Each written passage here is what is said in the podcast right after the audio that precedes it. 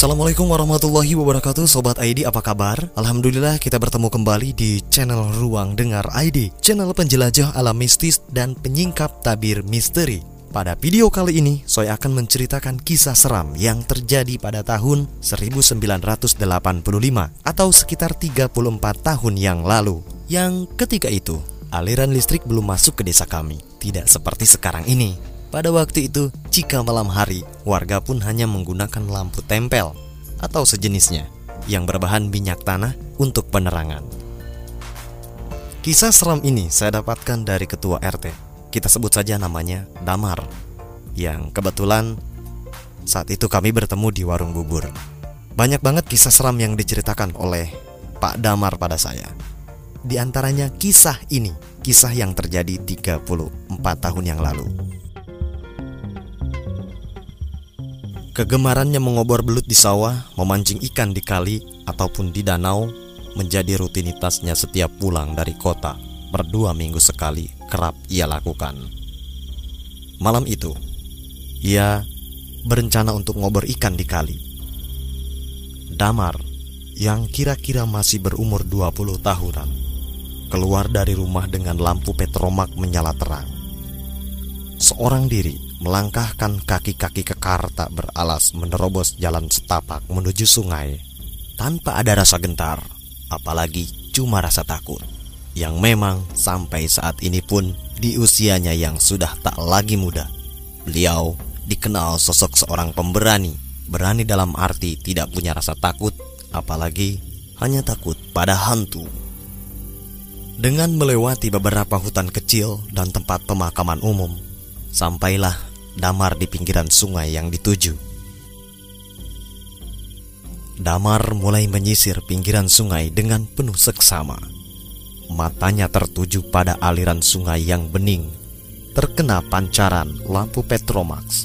Lampu Petromax direntangkan agak ke depan dengan tangan kiri. Tangan kanannya memegangi golok panjang yang digenggamnya dengan penuh kehati-hatian. Bahkan sudah siap membacok kepala ikan yang bila kebetulan dilihatnya. Sampai beberapa saat, belum juga ada ikan yang kedapatan berenang di depannya. Tiba-tiba, angin bertiup bergemuruh. Langit yang dilihatnya cerah diwarnai sinar bulan separuh sebelum keberangkatannya mendadak gelap. Mendung disertai dentuman guntur menggelegar bersahutan. Sepertinya hujan akan turun dengan lebat pikir Damar dalam hati. Menyadari keadaan yang tidak memungkinkan segera akan terjadi, Damar lantas bergegas pulang, kembali menyusuri jalan setapak dan hutan-hutan kecil. Namun, setibanya di induk kampung, cuaca yang semula seperti akan turun hujan mendadak berubah menjadi cerah. Bulan separuh kembali memberikan cahayanya untuk bumi persada. Guntur dan angin kencang pun sudah tiada lagi. Damar merasakan ada keganjilan, tetapi dia tidaklah begitu memperdulikannya. Ia memilih membenahi semua perkakas ngobornya, yang kemudian Damar ikut bergabung dengan teman-temannya yang malam itu tengah siap berangkat nonton pertunjukan layar tancap di desa tetangga. Sampai lewat tengah malam, mereka baru saja tiba dari nonton pertunjukan layar tancap. Damar dan teman-temannya yang lain lalu pulang ke rumah masing-masing. Setelah dicoba beberapa kali, Damar mengetuk pintu rumah belum juga dibukakan oleh orang tuanya. Malam itu, Damar harus rela tidur di luar. Sekitar jam 2 dini hari, ketika Damar baru saja merebahkan badannya dan mulai memejamkan mata di balai bertilam tikar itu. Ia merasakan sesuatu seperti menyentuhnya di kaki sebelah kanan. Sepintas seperti angin, tapi bukan. Saat damar hatinya masih diliputi pertanyaan apa sebenarnya yang menyentuhnya tadi. Tiba-tiba, kembali damar merasakan sentuhan itu.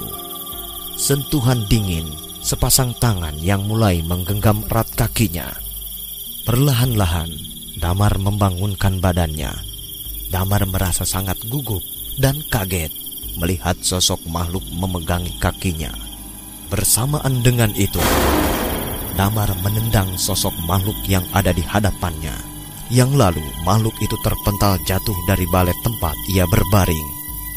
Makhluk yang berukuran seperti anak kecil, umur lima tahunan itu, bertubuh kurus, kulitnya hijau berlumut, bermuka lonjong, dagunya panjang dengan lidah terjulur sedada, jari-jari tangannya panjang berkuku hitam, matanya besar melotot yang nyaris keluar berwarna merah, menatap penuh dendam pada Damar.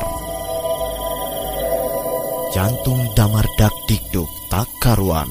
Rasa sangat dikejutkan oleh makhluk itu. Cahaya lampu minyak yang menempel di bilik rumahnya pun memberikan cahaya berefek seram yang bisa membuat bulu kuduk merinding. Ditambah dengan hadirnya makhluk aneh di depannya.